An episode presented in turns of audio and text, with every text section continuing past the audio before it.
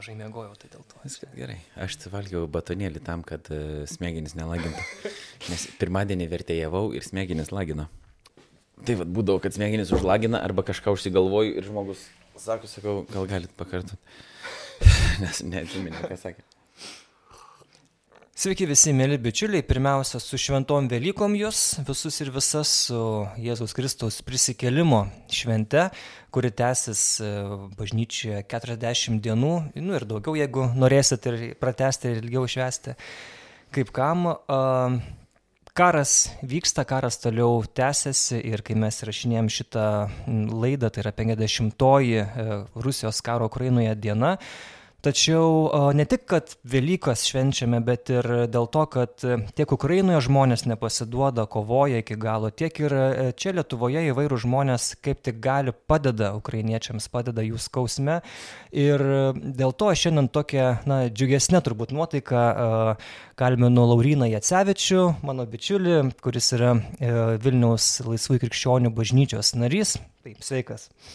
Labą dieną. Iš karto einam prie reikalo, man labai įsiminė mm, vienas YouTube komentatorius, Remigijus, man atrodo, kuris po tavo video, kur tu pasakoji apie savo kelionę į Ukrainą, parašė, nu pagaliau yra už ką pagirti Lauriną. Ten turbūt ateistas koks, ar ne?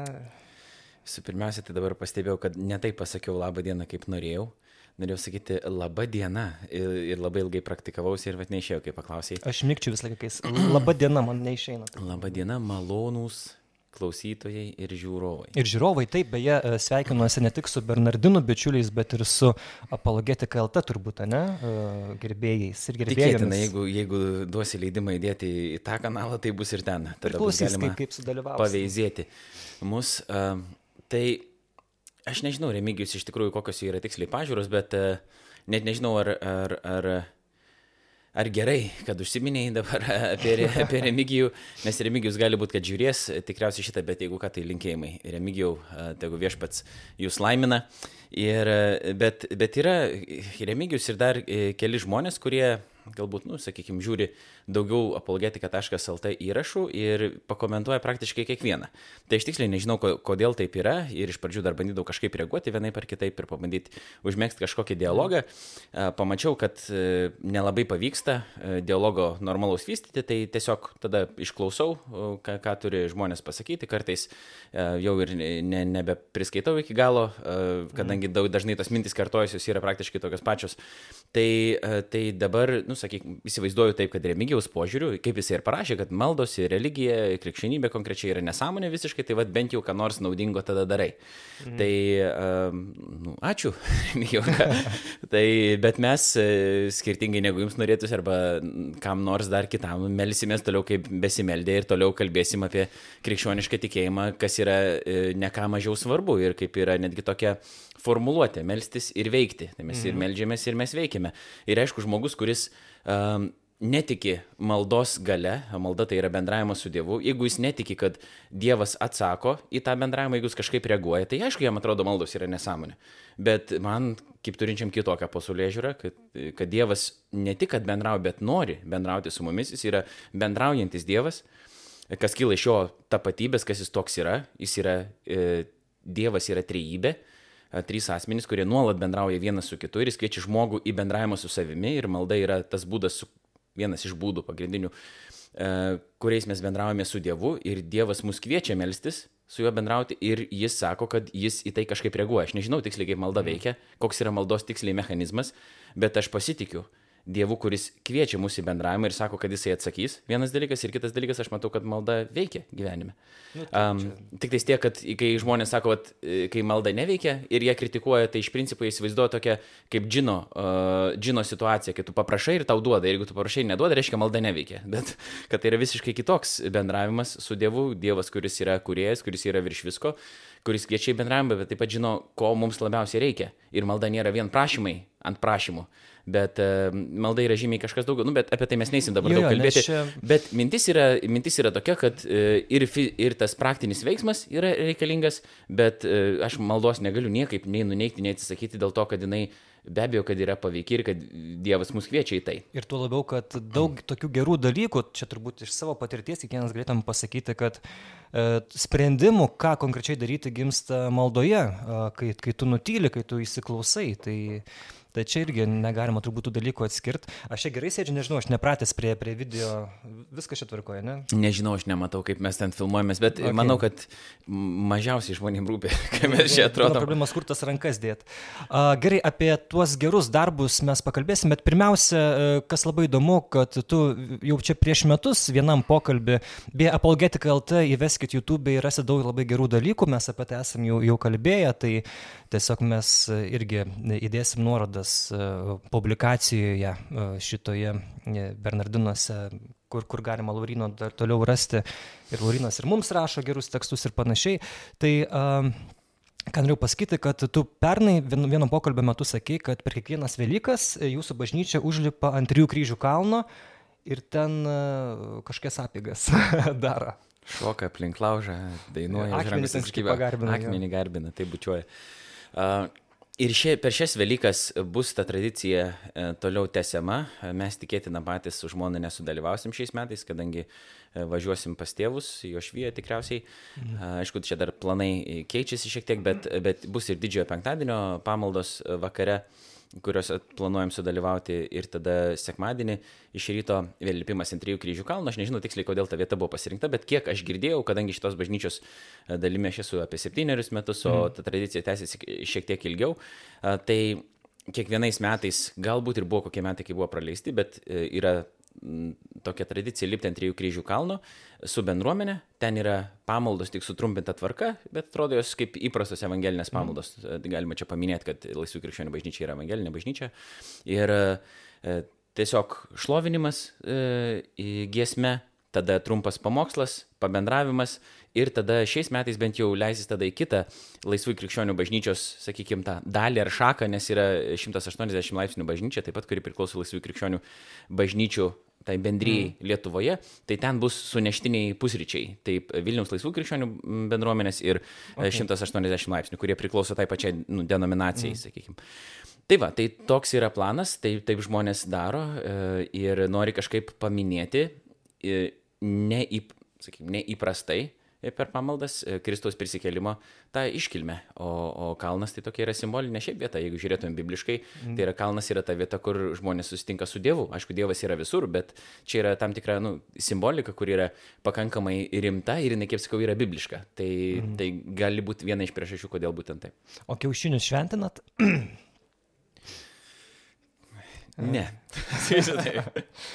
o verbas? Neturit? Šventinto vandens irgi nebūna per Velykas. Evangelinėse bažnyčiose vis nebūna šitų dalykų, ar ne? Nes, A. nes e, aš kiek suprantu, čia jau mes eitum į teologiją mhm. ir, ir liturgijos visokius dalykus, tai kadangi evangelinėse bažnyčiose nėra kunigo kaip tokio, mhm. tai ir laisvų krikščionių bažnyčioje nėra, yra priimama ta visuotinė kunigystė, yra pastorius, tik jis ganytojas, mhm. kuris savo dovanom patarnauja ir įsiveda bendruomenę, bet uh, tas, kadangi nėra kunigystės, kaip aš suprantu, nes kadangi šventinti gali kunigas ar ne, arba kitas dvasininkas mhm. katalikų tradicijoje, tai Tai kadangi nėra tos kunigystės, dėl to nėra jokių dalykų, kuriuos galėtų pašventinti, sakykime, žmogus. Na, mhm. aišku, mes suprantam, kad ir katalikai nesakytų, kad žmogus šventina, kad šventina Dievas, taip, bet taip, naudodamas, taip. naudodamas tą konkretų asmenį, kuris turi tam tikrus įgaliojimus ir kuris yra pašvestas kunigystėje. Mhm.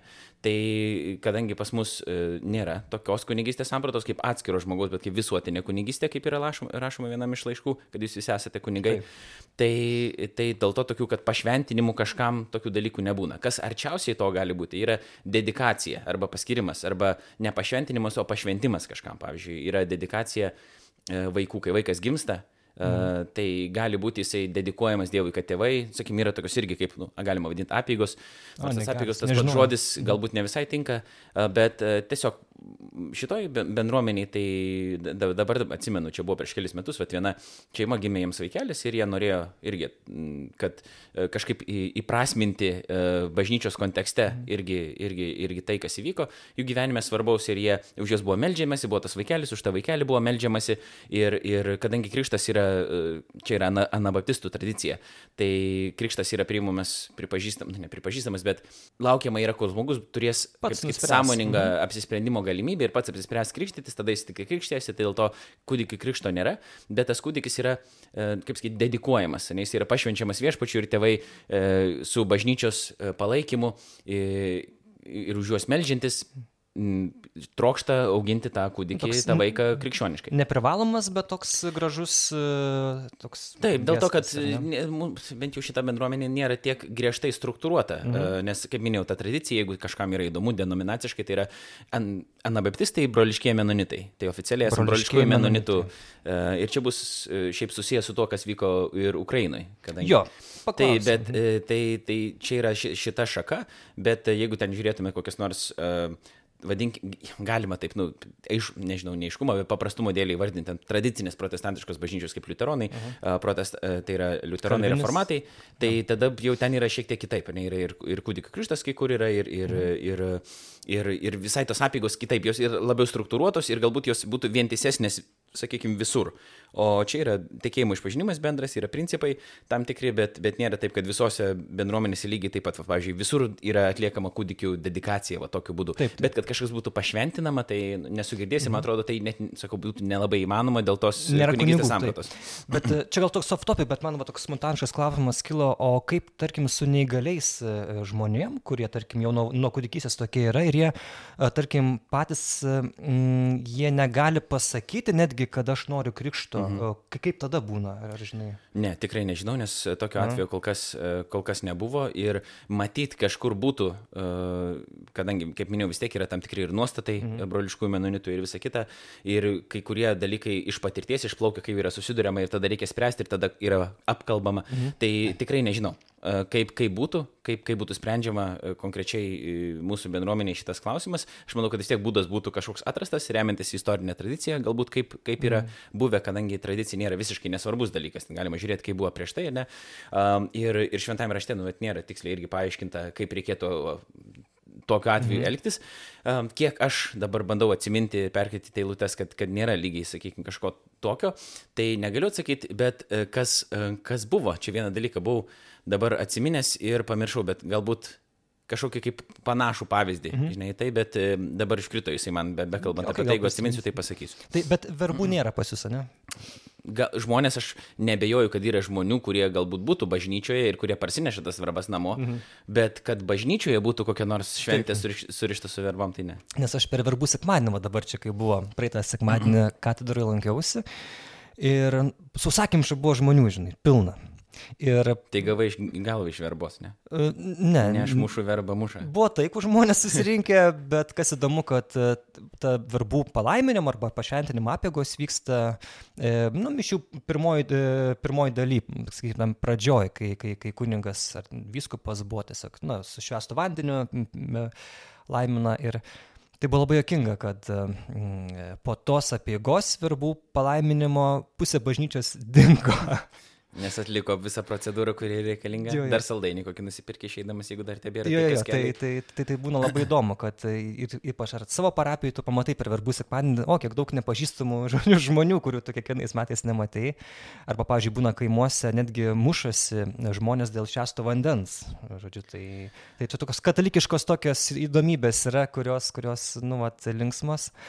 Bet okei, okay, bet galim gal tada perti prie tų e, e, prie tų aktualijų e, karo ir, ir Ukrainos. E, pirmiausia, gal aš tavęs gal asmeniškai dar paklausti noriu, e, tu ir rašėjai, kai karas prasidėjo ir, ir kalbėjai, ir, ir keliose bažnyčiose pamokslus, kaip sakė, ar ne, tokius. Kaip tu šiandien, ar ne, jau praėjus tam pirminiai, antriniai, turbūt ir tretiniai, tai tokie emocijų ir viso ko bangai, kokios tavo šiandien mintis yra apie tai, kas Ukrainoje vyksta? Pirmiausia, čia mintis dabar yra tokios, kai pradedi mąstyti apie tai, kas vyksta Ukrainoje ir tada mastai, jeigu tau tai būtų, pažiūrėjau, pas mus tai būtų, ne? Mm. Kaip aš elčiausi, ką aš daryčiau uh, ir kaip reaguočiau ir panašiai, tai yra akivaizdu, kad būtų žymiai sudėtingiau tada galbūt um, pasakyti taip paprastai, sakykime, negu kad aš galiu teoriškai pamastyti, kaip turėtų būti, ar ne? Tai uh, pastarasis dvi dienas buvo tokios mintis, o kaip būtų, jeigu viskas vyktų čia. Mhm. Ne, kad uh, jeigu uh, Nes kaip ir su žmona kalbėjom, kaip ir mirti netrodo nebaisu. Na, aišku, ten, kai būni silpnesnis, tada gal ir mirti būna baisu, bet šiaip teoriškai tai neturėtų būti baisu numirti, susitiksi su viešpačiu. Mm. Uh, ten didžiausias baimės galbūt, nu, kad kas bus su tavo ten, aplinkiniais žmonėmis, nes mes dar vaikų neturim, tai, tai, tai tas nu, nėra aktualu. Nu, šuo kaip nors yra draugų, kurie galbūt pasirūpins, bet, um, bet daugiausiai, aišku, galvoju, pavyzdžiui, apie savo žmoną, ne, kuri man yra svarbiausias asmuo, kaip jinai ir panašiai, bet uh, kadangi turint omeny tas uh, E, skerdinės e, ir žiaurumus bučio ir irpiniai, tai, tai kai nu, moteris prievartavimus, net kūdikiai prievartavimai, ten akis išdegintas su, su cigaretėm ir, mm. ir ten panašus tokie dalykai, tai kaip sakyti, nu, nuoširdžiai tai tikrai nesinorėtų patirti kažko, e, kažko tokio, kaip, kaip sakyti, nors ta pati mirtis atrodo ir, ir, ir neturėtų būti baisi kažkokia, bet tai yra tie būdai tokie, tai yra nu, ypatingai tokie išniekinantis ir ypatingai, um, ypatingai žiaurus. Tai tada tie mąstymas kažkiek, aišku, keičiasi, jis transformuojasi dar ir laiko einant uh, ir tada sustinkant su pačiais žmonėmis Ukrainai, aš nebuvau pats nu, nuvykęs iki karštųjų taškų. Tai uh, čia tokių dalykų nebuvo uh, mūsų tose kelionėse, mes važiavome pakankamai, nu, kiek gali būti saugia zona, kuri yra vakarų Ukrainai. Tai sieną vis tiek kirtom, įvažiavom į Ukrainą, bet, bet ten karinių veiksmų kol kas dar nėra. Kaip mhm. pats ukrainiečiai juokauja, sako, pas mumis keliai tokie, kad neprivažiuosi iki mūsų tankai vis tiek.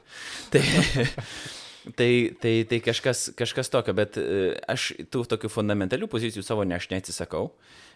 Kas, ką išdėščiau, ką ir, ta prasme, rašiau ir panašiai. Mhm. Tik tiek, kad e, bandau suprasti, kad e, teoriniai pamastymai yra viena, bet e, kai praktiškai reikia kažkaip reaguoti, ar ne, ir kai tai pamatai iš naujo kažkokius žiaurumus, arba kai jie yra arčiau kažkaip tavęs, tada matai, kad e, Jie pradeda scenarijų visokį groti galvoj. Tada žiūri, kad tą teorinį modelį savo būtų pritaikyti pakankamai sunku. Ir Gintaras, mūsų abiejų bičiulis Sungaila, ortodoksų kunigas, jisai mm. rašė čia vakar, man atrodo, Facebook'o postą, tokį trumpą apie tai, kad, nu, kaip yra sunku, toks abst, apie abstraktų dvasingumą jis rašė, jo. kad kaip yra irgi, vad, sunku sakyti, reikia tau taip, taip, taip dabar daryti, ruoštis ten Velykom, pavyzdžiui, ar dar kažką. Ir kai žmogus yra patyręs tokius, vad, karo žiaurumus ir visa kita, ir, ir, ten, ir kai žmonės patys šiaip neturi ko valgyti ir kalbėti, kalbėti apie pasninką tenais ar dar kažką, atrodo, net, nu, nebesiriša mm. dalykai ir ką tu gali, sakos, net tas, ką aš galiu kaip kunigas papasakoti dabar jiems tokioje situacijoje, kai jie praėjo realiai tokį vos ne pragarą, pragarą žemiai. Ir tai va, tai teoriniai pamastymai yra reikalingi, jie, e, bet jie yra vienas dalykas, viena, viena medalio pusė, o kai, kai jau yra kažkas labai konkretaus vyksta tavo gyvenime, tai supranti, kad tą teoriją pritaikyti praktikai ne visada yra taip ir paprasta. Bet tų pamastymų turbūt e, spėčiau yra tau daugiau ne tik dėl to, kad karas vyksta visai arti, bet ir dėl to, kaip tu minėjai, kad e, laisvų krikščionių bažnyčia Lietuvos tai yra kaip na, e, dalis atšaka ar ne E, taikiųjų meronitų. Broliškųjų. Broliškųjų meronitų, sorry. Jo. Ir broliškiai menonitai. Menonitai, e, taip, e, jie yra, kaip sakykim, na, pacifistinė krikščioniška atšaka kurie, jeigu aš gerai suprantu, ar ne, tu paaiškinsi gal labiau mums visiems, na, kurių pozicija tokia, kad krikščionis turi vengti bet kokių karinių veiksmų, ar ne, kad, ne, ne, kad neimtų ginklų į rankas, kad jeigu, tarkim, vyksta karas, tai, na, kad kažkaip kitaip tėvynė būtų galima padėti ir panašiai. Ir, ir turbūt gal ir, gal irgi tą na, menonitiškąją teologiją, jeigu taip galim pavadinti, turbūt teko permastyti ir, ir, ir tenka. Visų pirma, tai aš pasakysiu tai, kad aš nesu e, teologas, sakykime, anabapisto ar, ar menonitų, mhm. dėl to labai daug dalykų aš tiesiog nežinau.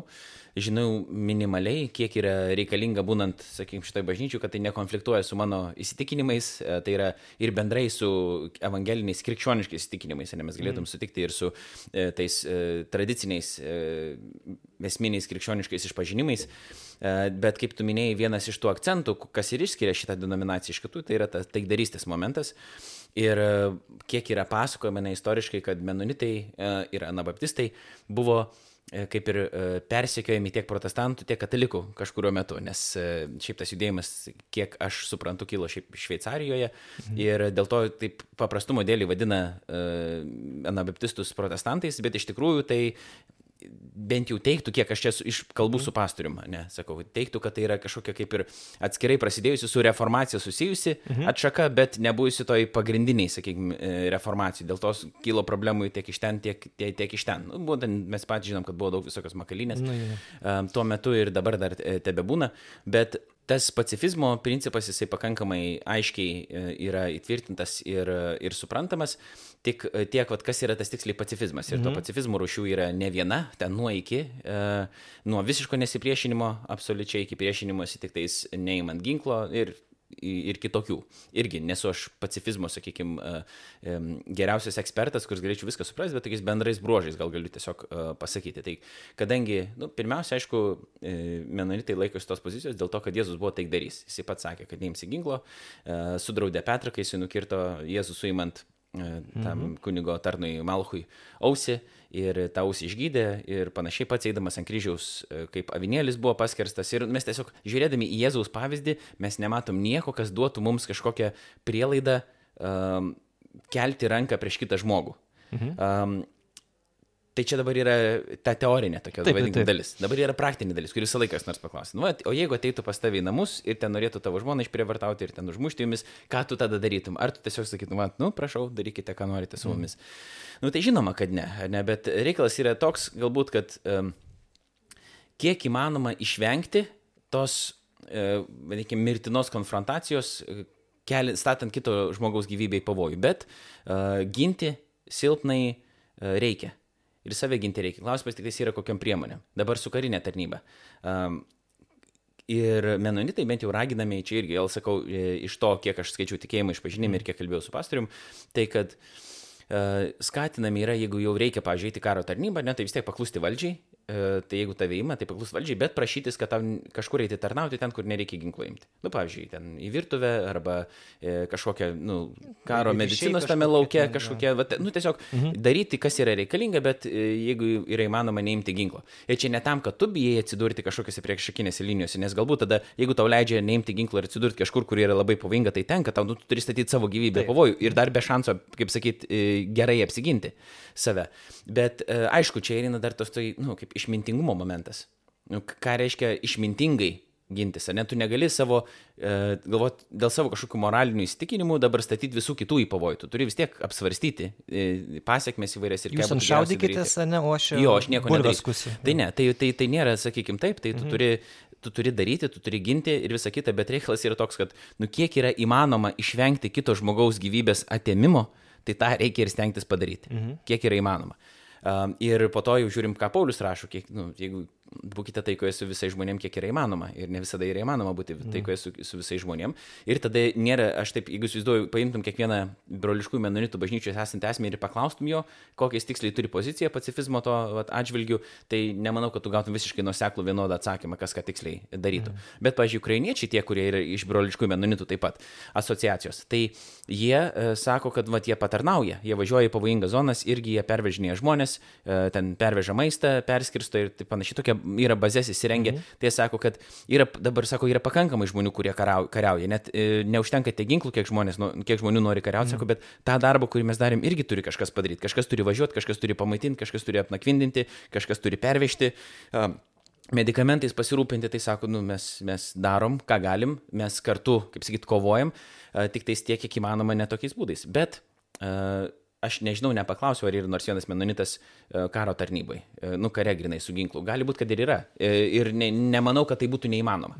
Ir turbūt, kaip aš suprantu, nėra, kad menonitai e, tuos, kurie eina į frontą, kad ant jų kažkaip stumtų, kad o ne, jie padeda kareiviams. Nekrikščionis. Ne, ne, ne, jie padeda kareiviams mhm. lygiai taip pat. Bet kartais yra dar toks ir dalykas sąžinės, pavyzdžiui, dalykas, ne kaip tu, nu, kaip Paulius rašo vėl, kas daroma iš neįstikinimo yra nuodėmė. Tai vienas, pavyzdžiui, yra savo klausimus įsisprendęs, ne visiškai, kad jisai gali uh, būdamas krikščionis, ne, imti ginklą mhm. ir kovoti e, už, silpnai, ginti uh, savo valstybę, uh, tos valstybės žmonės ir panašiai. Ir dėl to jam nekyla kažkokių vidinių moralinių dilemų. Mhm. Bet yra, ir dėl to viskas tada yra gerai, ne jeigu jis yra tai įsisprendęs. Bet kitas yra neišsisprendęs ir jam yra toks kaip... Um, nu, nežinau, gniutulas toksai ne viduje, mhm. neįspręstų tokių dalykų Ir jeigu jis eis prieš tą savo sąžinę, ne visiškai, tai, kaip sakyt, ir toks į pavojus išeina. Ne, nebeaišku, ką jis gali padaryti, jis gali ir neblaiviai mąstyti, net ne visai tinkamai. Tai dėl to, va, šitoj situacijoje geriau tas galbūt, kuris nėra iki galo išsisprendęs, ar ne, jeigu yra variantų. Nes jeigu nėra variantų, tai yra kitas dalykas, mm. bet jeigu dar yra variantų kažkaip kitaip pasitarnauti, tada geriau tegu, sakykime, jisai tada patarnauja tam, kuris, ne, yra su ginklu, jisai kitu, kitus darbus daro, nes tas irgi turi daryti darbus. Tai va ir pavyzdžiui, bažnyčiai, kai mes kalbam apie bažnyčią kaip Kristaus kūną, Tai visi turi savo funkcijas kažkokias. Taip. Ir turi skirtingas dvasinės dovanas ir panašiai. Tai čia nėra visiškai vienodas nusulyginimas, bet uh, va tokioje situacijoje, ne irgi, kad baž, bažnyčia vis tiek turi savo kažkokias funkcijas. Yra žmonės skirtingi um, ir mes turim bendrus principus, bet kaip jie išsigroja, vadinkim taip, kabutėse, praktikoje gali būti gali būt šiek, šiek tiek kitaip. Tai jokių būdų menonitai uh, Ukrainos karių, kurie kovoja už šalies laisvę, uh, jie tikrai nieko neniekina ir jiem patarnauja kaip gali. Mhm. Super. Tai uh, tris kartus, ar ne, e, Vilniaus ar apskritai Lietuvos laisvųjų krikščionių bažnyčios e, nariai važiavo į, į Ukrainą ir tu taip pat dalyvai tose, tose važiavimuose, visose ar dviejose? Aš važiavau dviejose iš trijų. Dviejose iš trijų, nu, paskutiniuosiuose dviejose, ar ne? Ir visai ne, nes... pirmam ir, ir trečiam. Jo, ir visai nesiniai čia grįžai prieš, prieš savaitę, kokią turbūt. Kažkas tokio, jo, bet atsimenu, prieš pusę. Mhm. Jo. Taip, ir žodžiu, vežama humanitarinė pagalba į, į Ukrainą, būtent perdodama tiems menonitams Ukrainoje, kiek suprantu, ir taip pat ne tik nuvežama ten turbūt drabužių, nu, papasakosi gal maisto vaistų, bet ir paėmimi žmonės, karo pabėgėliai, kad jie galėtų saugiai e, būti Lietuvoje, Lenkijoje ir kitur, ar ne? Tai kokia čia ta idėja, gali šiek tiek pristatyti? Mhm. Kadangi jinai kilo ne iš manęs, tai aš gal, negalėsiu galbūt visos esmės pristatyti. Jeigu mhm. kam yra įdomu, man atrodo, e, pas jūs yra e, straipsnelis ar laida buvo iš, iš XFM. Mhm. Buvo, tai ten buvo kalbinti 180 laipsnių bažnyčios pastorius Gediminas Dailydė ir Vilniaus laisvų krikščionių bažnyčios pastorius Artūras Rulinskas, gal jie plačiau iškiek paaiškino. Koordinuojasi Gidas Ružinskas, toksai visas šitą procesas irgi yra Vilniaus laisvų krikščionių bažnyčios narys. Tik paskutinį tokį dalyką prieš pradedant jau pasakot plačiau šiek tiek, jo. ką pažymėti, tai kad e, važiavo į tas keliones ne vien nariai ir ne vien tikintieji. Buvo žmonių, kurie važiavo ir netiesiogiai susijęs su E, krikščionių, laisvų krikščionių bažnyčia, okay. bet vienok, pavyzdžiui, e, vienos merginos, kuri yra bažnyčioje, mm. Kuris nėra bažnyčioje šiaip ši, nu, šitoje. Sutiko tai aš, padėti, žodžiu. Jo, jis tiesiog sutiko mm. padėti ir važiavo net ne vieną kartą, porą kartų. Mm. Tai, tai ten nebuvo visi, kad buvo nariai, bet jie vienokiu ar kitokiu būdu netiesiogiai buvo susiję. Tai ten kažko per, per giminės kažkokius, ar tiesiog vat, išgirdo ir draugai buvo kažkaip taip. Mm. Tai, e, tai dabar nežinau, koks tas buvo kiekis ten narių ir nenarių, vis tiek man atrodo, kad... Um, Ir buvo iš LCC dėstytojų taip pat. Na, nu, čia nesmė. Jo, jo, bet, bet, bet, bet iniciatyva vis tiek bet, kyla iš laisvųjų krikščionių. Jo, bet aš tik norėjau pasakyti, kad taip netrodytų, kad čia vien, vien, vien važiavo žmonės tik tais nariai, kad teisingumo grinai dėlį, kad buvo ir kitų, kurie prisijungė. Bet taip. Ne vieni jūs faini, žodžiu. Iniciatyva e, jo buvo iš e, laisvų krikščionių bažnyčios. Ir e, kiek aš supratau ir kiek aš žinau iš to, kas buvo pasakota, man, kad buvo užmėgsti santykiai su Ukrainos broliškaisiais menonitais jau 2014 metais, ten po Krymo okupacijos ir visa kita, ir jau mhm. tada buvo humanitarnės misijos, jau tada vyko. Krymą, aš ką tik buvau ne iki pat ten, aš tiksliai negaliu pasakyti, mm. kada, aš buvau ką tik įtikėjęs ir ką tik prisijungęs prie bažnyčios. Ir tada jau svaršiau galbūt važiuoti, buvau visiškai šviežias krikščionis, okay. bet tada išvažiavo ten keli žmonės ir, ir užsimesgė tie santykiai, po to buvo atvažiavę ir į Lietuvą e, iš tos bro, bro, broliškų menonitų asociacijos, mm. taip jie ten vadinasi Ukrainoje, žmonių e, į, nežinau, ar konferencijas ar kažkas tokio, mm. bet buvo palaikomas santykis. Tai kai Ukrainai prasidėjo karas, automatiškai buvo susisiektas su jais. Ar jie susisiekė, ar susisiekė mūsiškiai, aš tiksliai nežinau, bet vėl tas santykis, kaip sakyt, per tą santykį, kas, kuris buvo išvystytas, buvo jau paklausta, įsiaiškinta, kokie yra poreikiai, jie atsiuntė sąrašą dalykų, kokių jiems reikia, tada buvo svarstyta, ar reikia važiuoti, ar užtenka tiesiog nusiųsti pinigų, nes jeigu važiuoji, reikia žmonių, tai yra žmonės, laikas, papildomi pinigai kūrui, visa kita, reikia važiuoti ir užtenka mhm. tiesiog siūsti pinigų, nes tada galėtum daugiau pinigų nusiųsti. Bet galiausiai išsiaiškino, kad jiems reikia visko, jiems reikia ir daiktų atvežti, jiems reikia ir grinų pinigų, nes ne viską gali išsimti, ir jiems reikia taip pat ir pervedimų. Nors pervedimus atlieka tai ir ne tik, mes, sakykime, galbūt e, važiuojam ten, e, bet pervedimus jie gauna ir iš Amerikos, ir iš Vokietijos, mhm. ir, ir, iš, ir iš kitų vietų piniginius, bet nebūtinai visą laiką tie pinig, tos pinigus gali panaudoti taip greitai dėl nu, karo situacijos tiesiog uh, Ukrainai. Tai va, tai kai atsirado tokia, uh, tokia ta iniciatyva, aš išgirdau, kad kažkas žada važiuoti, sakau, aš irgi noriu. Tiesiog ir viskas, nes nebuvo nei viešai ten skelbiam, nei kažką, man tiesiog kažkas mhm. pasakė, kad kad planuoja važiuoti, sakau, aš irgi noriu. Na nu, ir tai va, vieni per kitus žodis tai paplito ir susiorganizavo trys autobusiukai iš pat pradžių. Paskui žmonai pasakėjai ir pasigailėjai, ar ne? Ne, žmona viską išleido, viskas tvarkoja. Su palaiminimu, visą kitą mm. išleido, meldėsi ir, ir, ir viskas buvo gerai. Tai visi ten su žmonom, kiti su vaikais, ten trim, keturiais, tam prasme, iš, nu, vyrai, kurie buvo. Mm -hmm. tai, tai, tai, tai taip, mūsų pastorius iš vis, jis turėjo važiuoti į Ameriką, tada tuo metu uh, išskristi savaitę, ten nežinau, kas tiksliai ten buvo, bet jis turėjo į, į kažkokią irgi į pažįstamą bažnyčią Kaliforniją nuskristi. Ir tą dieną, kai stovėjo oro uoste, jisai išgirdo, uh, ar perskaito naujieną, kad e, Zaporožiai buvo apšaudyta ta elektrinė atominė mhm. ir jam buvo toks didelis šokas, kad jisai nebeskrido į Ameriką, apsisuko, grįžo atgal ir išvažiavo į Ukrainą tada. Nu, tiesiog, nes pagal, kad, nu, kažkaip įsiautis tada, kad būtų nebeteisinga jam ten važiuoti, tas toks šokas buvo tas skamba labai įdomi, jo, dar ir elektrinė ir aš važiuoju. Jie, yeah, tai ne tik, čia... ne, ne, tiesiog, kad pamatė, kad jeigu jau taip vyksta, kad tai yra... Reikia tai, pagalbos. Jo, kad, ir mhm. kad jam būtų kažkaip jis jaustųsi labai keistai dabar išskridęs ir ten būdamas ir linksmai, sakykime, taip leisdamas laiką. O, jo, jo. Ir po to, kaip aš supratau, tie kiti, kur kažkas dar turėjo važiuoti į tą Kaliforniją, galiausiai ten ir iš vis nebepavyko tas, mhm. tas, visas, tas visas dalykas. Tai jisai tada po kelių dienų prisijungė prie tos, tos misijos, tai mes važiavom trimis autobusiukais, vienas buvo uh, nuomotas ir du buvo, ir du buvo pačių žmonių. Tai mhm. uh, iš vis buvom E, septyniese, vienam buvo trys, kitam buvo po du, nors šiaip teoriškai turėtų būti po du, bet kadangi Artūras prisijungė, e, netikėtai visai tai gavosi taip, kad mes vienam vežiam ir trise ir vežėm tada tą paramą, o šiaip paskelbėm per Laisvų krikščionių bažnyčios uh, socialinės medijas nors tos medijos nu nėra didelis, ten tų vadinamų followerių nėra tiek daug, mm -hmm. bet kažkaip žiauriai greitai prisipildė uh, viskas ir Vilniuje, ir Klaipėdai kažkiek, ir Šiauliuose. Šiauliuose iš vis ten centras įsisteigė toks didžiausias, nes uh, pastato prasme Laisvų krikščionių bažnyčia yra didžiausia Šiauliuose, galbūt ir žmonių skaičiaus, skaičiumi. -hmm. Tai dabar ten dabar tiksliai nežinau, bet prieš porą savaičių ten ar prieš tris gyvena, penki, jie buvo apgyvendinę 50 ukrainiečių. 50. Nes bažnyčiai priklauso Ginkūnų dvaras. Jie turi o. tą. Ir tenais buvo apgyvendinę 50 ukrainiečių ir jas integruoja Šiaulių bendruomenę. Ir ten nuolat vyksta tas procesas. Žmonės wow. nuolat su jais mhm. dirba. Ir ten tapo kaip centras, kur šiauliečiai įvairios ir organizacijos, ir, ir nieko su tikėjimu bendro neturintys žmonės, bažnyčiai neša daiktus tam, kad jie nusiųstų į, į, į Ukrainą. Tai ten, ten pas juos pradėjo labai greitai pildytis įvairūs daiktai. Ir tai išvažiavom pirmą kartą devinmėtis vienas autobusiukas ir du septynmėčiai ir po to grįžom, man atrodo, pilni jau atgal į, į Lietuvą su žmonėmis. Ir ten, kol jau važiuoji, ten derinėsi su tai vietoje esančiais, kada atvažiuos pas juos autobusiukai, kurie kursuoja iš tos bazės vakarų Ukrainoje į pavojingesnius taškus ir atveža. Ir tada jau derinėsi, kurie žmonės nori važiuoti į Lietuvą, kurie galbūt nenori ir kas ten kaip. Ir kiti net nežinai, kiek paskutinės minutės. Vieni buvo netgi pasakojo taip, kad antroji aš nevažiavau, kad jau žmonės sėdė autobusiuke Ir e, jiems, nu, sako, nu, į Lietuvą važiuojat, sako, ne, mes nenorim į Lietuvą. Ir jau tada turi la, iš tie išlipo, turi laukti, nes norėjo Vokietiją kažkur ten važiuoti. Ir, ir va tokių būna irgi, irgi kuriozų. Na ir po to ta kelionė viena, kai vyko, buvo nuvežta humanitarinė parama, bet ta parama buvo ne šiaip surinkta bet kas. Bet tai buvo pagal poreikius, kurie buvo išsakyti, mhm. kurie yra reikalingi. Po to vėl toliau Sigitas daugiausiai derinasi, kokie dabar yra poreikiai labiausiai ir jie kažkiek keičiasi, priklausomai to, ko reikia ten žmonėm ir mhm. kur jie ką veža.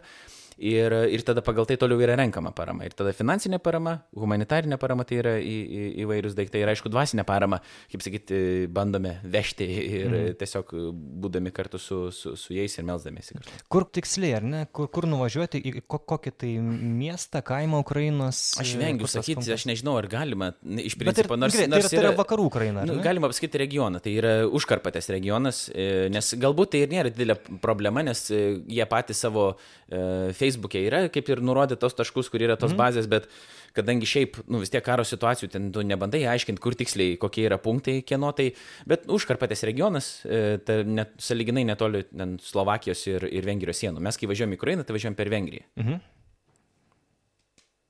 Na.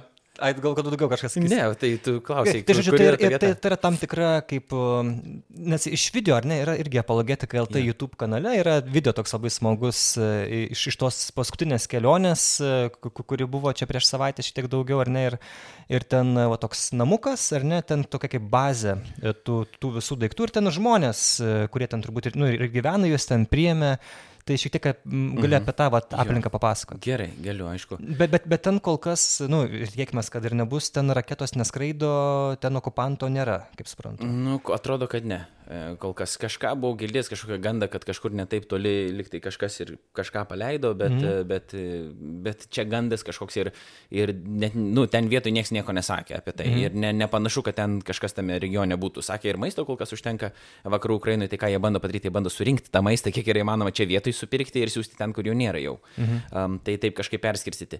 Bet kokia buvo situacija, tai ta pati, pati, pati ta bažnyčia arba did, did, didžiuma tų žmonių, kurie yra ten, jie atvažiavo iš Zaporožės patys. Tai jau pirmam karo dienom, kai sužinojo, kad prasideda, jie tada e, išvažiavo keliais automobiliais į vakarų tą Ukrainą. Nežinau tiksliai, jie žinojo, kur važiuoja, nežinojo, bet išvažiavo į vakarų Ukrainą. Ar tai nėra vien vietiniai, kurie tenais augė? Tai, yra... tai ne, ne, ne, tai jie, jie praktiškai jiems tiek pat kilometrų buvo iki ten iš Zaporožės, mhm. kiek mums iš Lietuvos iki jų dabar. Ten virš tūkstančių kilometrų. Jo, didžiulė Ukraina, bet taip sunku, sunku. Jo, tai jie važiavo ten virš tūkstantį kilometrų, ten tūkstantį šimtą, kažkas tokio, mhm. ir jie visiškai yra nevietiniai. Ir kai kurie žmonės iš bažnyčių pasiliko ten Zaporožiai, ten pat tebe patarnauja. Um, ir, o kiti važiavo ten ir įsteigė tą tokią bazę. Iš pradžių lyg tai, kiek girdėjau, jie nuomojasi namą. Čia Viskas, sakau, yra tokių iš, iš uh, negaliu kai kurių dalykų visiškai patvirtinti, čia iš tokių bendrų pokalbių, kurie, okay, okay. nes mes kai nuvažiuojam, ten labai daug, nu, greitai reikia susisukti pakankamai, ten bandai su kažkuo šnekėtis, kažką nugirsti, kažką įsiaiškinti, kažką tiksliai, ne, jo, baršių pavalgai. Mhm. Tai bet kiek uh, kiek aš e, žinau ir jeigu teisingai aš išgirdau viską, kad e, iš pradžių jie liktai nuomojasi kažką, bet labai yra sunku gauti, ką nors įsinuomoti, nes per tą vietą varo visa Ukraina. Prasme, nu, nes per vakarus visi išjuda lauk. Mhm. Ir kažkaras buvo labai sunku, jie šis kaime yra toks, nu, kaimų kaimas ten. Jo, ten vištos. Ir, e, jo, jo, ir, ir, ir po to kažkaip jiems vieni tikintieji, kurie niekaip jų nepažinojo, turėjo kažkokį didelį namą, kuris nebuvo pabaigtas neįrengti. Pavyzdžiui, ten yra lauko tualetas tik dar. Jis mm. nebuvo pabaigtas įrengti, sutvarkytas, kažkada jie ir Amerika buvo išvažiavę, tas namas tiesiog ten buvo. Ir Tame video sužinojo, irgi yra tas tualetas. Jo, tai kai, ne iš vidaus. Bet uh, kai jie sužinojo, kad va čia jie yra atvažiavę, jiems tiesiog davė tą namą, sakė, nieko nereikės, jokios nuomos, nieko mokėti, darykit viską, ką reikia, iki kol karas pasibaigs, čia yra jūsų. Mhm. Tai jie tame name įsisteigė bazę. Ir uh, liktai atvažiavo 11 žmonių, kiek aš klausiau paskutinį kartą, dabar, kai buvom jau trečią kartą, tai Liktai sakė, kad 17 dabar kaip ir tuo metu ten mm. gyvena ir jie ten užsimena komunikaciją, pagalbos organizavimą ir panašiai. Ir tada jau į tą vietą, ten jie turi uh, vietą, kur žmonės gali pernakvoti atvažiavę, pavyzdžiui, mm. uh, ir kurie nori kirsti sieną, jiems padedama yra kirsti sieną, yra pamaitinami ir iš ten yra kursuoja autobusiukai, kurie atveža žmonės, Mhm. Ten paliek, palieka ir tada iš, iš ten jau kažkas juos paima, veža toliau kažkur, pavyzdžiui, nu, kaip mes į Lietuvą, jo, į užsienį. Mhm. Ir tada jie prisikrauna irgi į, į tos autobusiukus daiktų ir tada veža vėl, kur ten reikia ir tada iš ten paima žmonės. Tiksliai aš negaliu nurodyti taškų, kur veža, liktai ir pačią Zaporožę veža, irgi jau Zaporožė beveik ir nuo ant fronto linijos ten. Mhm. Ir, ir į kitas vietas, ir nuolat autobusiukai kursuoja su humanitarinė parama ir su žmonėm atgal, su humanitarinė parama ir su žmonėm atgal. Tų punktų yra iš viso aštuoni, trys yra didesni, tokių kažkokių panašių mhm. po, po visą Ukrainą. Ir kadangi tu negali pervažiuoti, nors, pavyzdžiui, kilometrų skaičius būtų ir pakankamas, kad galėtum pervažiuoti per vieną dieną, nebeišeina dėl karo situacijos, dėl to žmonėms reikia dažnai sustoti kažkur išnakvoti, tai tose punktuose žmonės stoja mm. nakvoti, ten tada reikia e, čiūžinių, tai, pavyzdžiui, paskutinį kartą vežėm čiūžinių iš Šiaulių gavę mm. ir kažkiek, kad ten galėtum tiesiog pakloti ant grindų ir, ir, ir, ir išnakvoti, sako, praktiškai be, beveik kiekvienoje bažnyčiai gali išnakvoti. E, ten, sakė, nebūtinai menonitų, ta prasme, apskritai. Taip, taip. Mhm. Ir Ir, ir, ir va, tai va tokia yra ta situacija, jie iš tos bazės organizuoja tą pagalbą, mikriukai kursuoja. Ir, ir jie veža į, į Zaporožę? Ir į Zaporožę, ir į kažkur kitur. Bet Supratau. mačiau, kad iš nuotraukų ir į šeimoms kažką, pavyzdžiui, lauknešėlius kažkokius mhm. grinai šeimoms atskirai, bet taip pat ir į tos punktus nuveža ir iki pačios Zaporožės, iš ten dar kažką, bet sakau, kartais yra, kadangi laiko yra pakankamai mažai, tu nespėjai visko išsiaiškinti. Kažką mhm. pasakoja apie pastorius, kurie daro įvairius, pavyzdžiui, veiksmus, mhm. bet tu ne, bet nežinai, ar čia menonitų pastorius čia susijęs su jais, nesusijęs, čia jų draugas kažkoks, tai va tokių dalykų kartais iki galo nežinai. Tai aš negaliu pasakyti, ar jie ten tik tiksliai, nu, iki Zaporožės, sakė, jie tikrai nuvažiuoja. Mhm. Iš jų žmonės ir, ir ten yra tarnaujančių, bet į tos, man pasakojo ir apie, mums pasakojo, ir apie žmonės, kurie kerta tas rusų blokpostus vadinamus, bet aš nežinau, ar čia na, iš tos bendruomenės, ar tai yra jų pažįstami kažkokie tikintieji, kurie tą daro, nes pasako, buvo pasakojimas apie vieną pastorių, kuris surenka žmonės į mikriuką rusų lavonus karių sudeda į mikriuką, mikroautobusą, tada veža rusams prie blokposto, atiduoda lavonus už tai, kad leistų jam įvažiuoti į miestą ir surinkti iš ten žmonės ir išvežti juos. Oho. Tai tokius mainus vykdo. Tai va, tai, tai yra tokios, bet aš negaliu pasakyti čia, sakau, tiksliai iš broliškų menonitų ar iš kažkur kitur, bet kažkaip bendri, vis tiek yra. Ten kartais ir tos denominacijų ribos, nu ten, nu, kaip sakyt, jos ir išplaukia, ten niekas nelabai mm. bežiūri, ten, nu, kokios tu ten esi denominacijos. Šiaip karas turbūt vieni kitiems padeda ir ten. Taip, labai stipriai mobilizavusi ir ten uh, tikrai vieni kitiems ypatingai mm. padeda ir stengiasi ir tikintieji, ir tikintiesiems, bet ir netikintiesiems, aišku, mm. pa, pa, pagelbėti. Jo, bet vis tiek, aišku, būdavo tos, kaip tos vakarienės tokios ar ne, pat prie stalo sėdė, irgi tame video mačiau, kad Tai yra e, kalba ukrainietiškai žmogus, o, o kitas jaunesnis verčia anglų kalbą. Ir, uh, ir tokia buvo viena mintis iš, išgirsta, kad nu, mes jau kaip ir vat, pripratom jau prie, prie mhm. šito karo ir, ir, ir mūsų taip jau nebestebina, nebegazina, kaip čia buvo pačiai pradžioj. Ir toks irgi įdomus dalykas, kad tu netgi prie tokio karo gali priprasti mhm. žmogus. Mhm. Bet uh, kokios tau, nežinau, įsimintiniausias, gal nežinau, istorijos ir liudijimai iš, iš, iš tų žmonių, kurie, kurie patyrė tos, tos karos, bus, ką tu, žinai, čia, čia į Lietuvą tokia svarbiausia įsivežiai. Tai uh, bent jau ten, kur pasakomis tas buvo, tai rusiškai kalbėjo tas žmogus, ne ukrainietiškai, nes o, iš tų regionų viskas gerai, iš tų regionų yra jis, žmonių, kurie... Žinau, kad ukrainietiškai, nes jisai vietoj G sakė H. H. Nu, ten dažnai taip sako, beveik visi sako H vietoj, uh, nes galbūt kalba ir ukrainietiškai, ir rusiškai, aš tiksliai nežinau, bet kadangi ten tai mes visi band, tada bandom bendrauti rusiškai, ten angliškai mažai kas kalba. Rusiškai mokė. Uh, susikalbėti galiu, suprantu, beveik, nu, suprantu viską, bet mm. kai reikia kalbėti, tai su klaidom, pat žinau, kad klaidas darau kalbėdamas, bet susikalbėti okay. galiu. Um, tai, bet yra ten pas juos vienas vyrukas, kuris studijuoja anglų kalbą universitete ir, ir, ir jisai vertėjauja, tai jisai puikiai angliškai šneka ir, ir viskas ten, kaip sakyti, ir problemų ne, nekyla. Tai mm. šiaip visi lietuviai, kurie važiavam, tai supratom, bet kadangi amerikiečių buvo kartu su mumis, tai daugiausiai ten jiems buvo tas vertimas, A, ne, okay. ne kažkam kitam. Mm. Tai Jo, jie sakė, kad, kad prie karo kaip ir priprato, jau, sako, kaip ir per viską yra priprantama, nors man vat, vienas lietuvis jau iš karto uždėjo, sako, negalima prie karo priprasti, negalima prie karo priprasti. tai, e, tai nebuvo tai, kad čia yra normalu ar kad čia viskas yra gerai, bet iš tos pusės, kad nebėra tokio didelio šoko, kaip būdavo pirmom dienom. Jau tu prisitaikai prie naujos realybės, kad taip dabar yra ir tu jau dirbi su tuo, ką turi. Mm. Aišku, jie jau yra ir, ir pavargę, kiti ten kalba apie tai, kad nu, buvo tikrai sunku, ypatingai, nu, viską paliekis, įsivaizduoji, žinai, išvažiuoji, ir, bet yra žmonių, kurie dar sunkesniuose situacijose gyvena ir jie tą puikiai supranta. Tai Tai viena iš tų įsimintinų istorijų, kurią aš ką tik ir papasakojau, buvo su tais rusų kareivių mhm. lavonais ir, ir, ir mainais, kitur ten saky, pasakojo mums irgi, kad, e, nu, kaip kirsti tos blokpostus rusų, jeigu tu nori kažkaip įvažiuoti į okupuotas teritorijas ir iš ten iš, išvežti žmonių. Tai kiti sako. Gyvų žmonių. Jo, gyvų. Nu, mhm. pavyzdžiui, kitur ten vos ne e, E, tiesiog net nebūtinai eina pas kažką konkretų, bet e, eina į įvairius apgriautus pastatus arba, arba apleistus mhm. ir ieško Rusijuose dar kažkur gal yra užsilikę žmonių, gal kažkas kokių senų ar neįgaliųjų, kurie nu, ne, negalėjo kažkaip pabėgti ir bando tokius susirankioti, kiek yra įmanoma. Tai ir už cigarečių blokus, kai kartais pavyksta pravažiuoti, bet sako, čia yra labai pavojinga, nes e, nu, jeigu supras žmonės, ką noriu pasakyti, sako, nu gerai, e, jeigu rūko, sako, jeigu ne. Nu, tai žinai, gali mhm. būti blogai baigtis, ten gali nušauti. Tai dar tokių istorijų, ko papasakoju paskutinį kartą, tai buvo e, ir tai, kad viena moteris, e, jinai, jinai atvyko į Lietuvą, po to tikriausiai Estiją perkeliavo, nes turi ten giminystės ryšių Estijoje. Um, jinai su mumis važiavo, tai pasakojo, kad uh, pasakojo pirmiausia apie ją, o po to jinai pasakojo, nes visą kelionę šiaip mėgojo, visas 15 valandų praktiškai pramiegojo visą laiką, žmonės buvo visiškai trūkę. Um, tai kad jie bėgo pirmą iš e, tų okupuotojų anksčiau teritorijų, dėl to, kai pamatė liktai, uh, jeigu informacija teisinga, ta Malazijos oro linijų lėktuvas buvo kažkaip pašautas ten virš Ukrainos ar kažkas tokio. Jo, tam Donbass regione. Jo, tai va ten jie netoli gyvena, sakė, keli kilometrai nuo jų nukrito ir jie matė, ta prasme, sakau, ten, kad nebūtų sugedusi telefoną, bet liktai pasako, kad matė ir lavonus tų, iš to lėktuvo mm, ten iškritusius. Ir tada jie pabėgo iš ten, paliko savo namus ir pabėgo į Berdenską. Ir tada karas juos atsivijo ir ten, ir tada jie turėjo vėl bėgti iš to Berdensko, žinai. E, tai va tokia situacija pas juos buvo, tai tikrai nusudėtinga, du kartus žmonės bėgo nuo karo.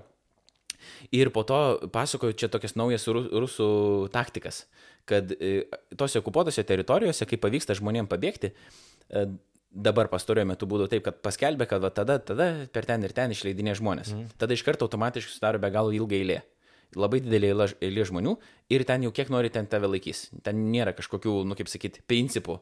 Uh, norės laikys, nenorės nelaikys, uh, ko norės to paprašys, ta prasme, ir po, gali būti ir pavojus tavo gyvybei, ir atimta gyvybė gali būti, nu tu nežinai, kaip ir kas. Bet jie žino, rusai, kad e, ukrainiečiai neapšaudys tos kolonos žmonių, kurie yra pasiruošę dabar pabėgti, mhm. ir tada jie pro tą kolono šoną bando savo karinę techniką pravaryti. Wow. Tiesiog taip. Skydą tokį panaudoja. Jo, pada, panaudoja tokį skydą ir tada, jeigu vat, pavyksta, tada gal kažkiek praleidžia tų žmonių, jeigu nepavyksta, būna irgi, kad praleidžia, bet sako, kas labai yra įdomu, kad e, dažn, dažnam vyrui liepia nusirengti ir parodyti, ar neturi tatuiruočių. Ir jeigu turi tatuiruočių kažkokią su simbolika, pažiūrėjau, ypatingai Ukrainos, tai tada gali nušauti iš karto.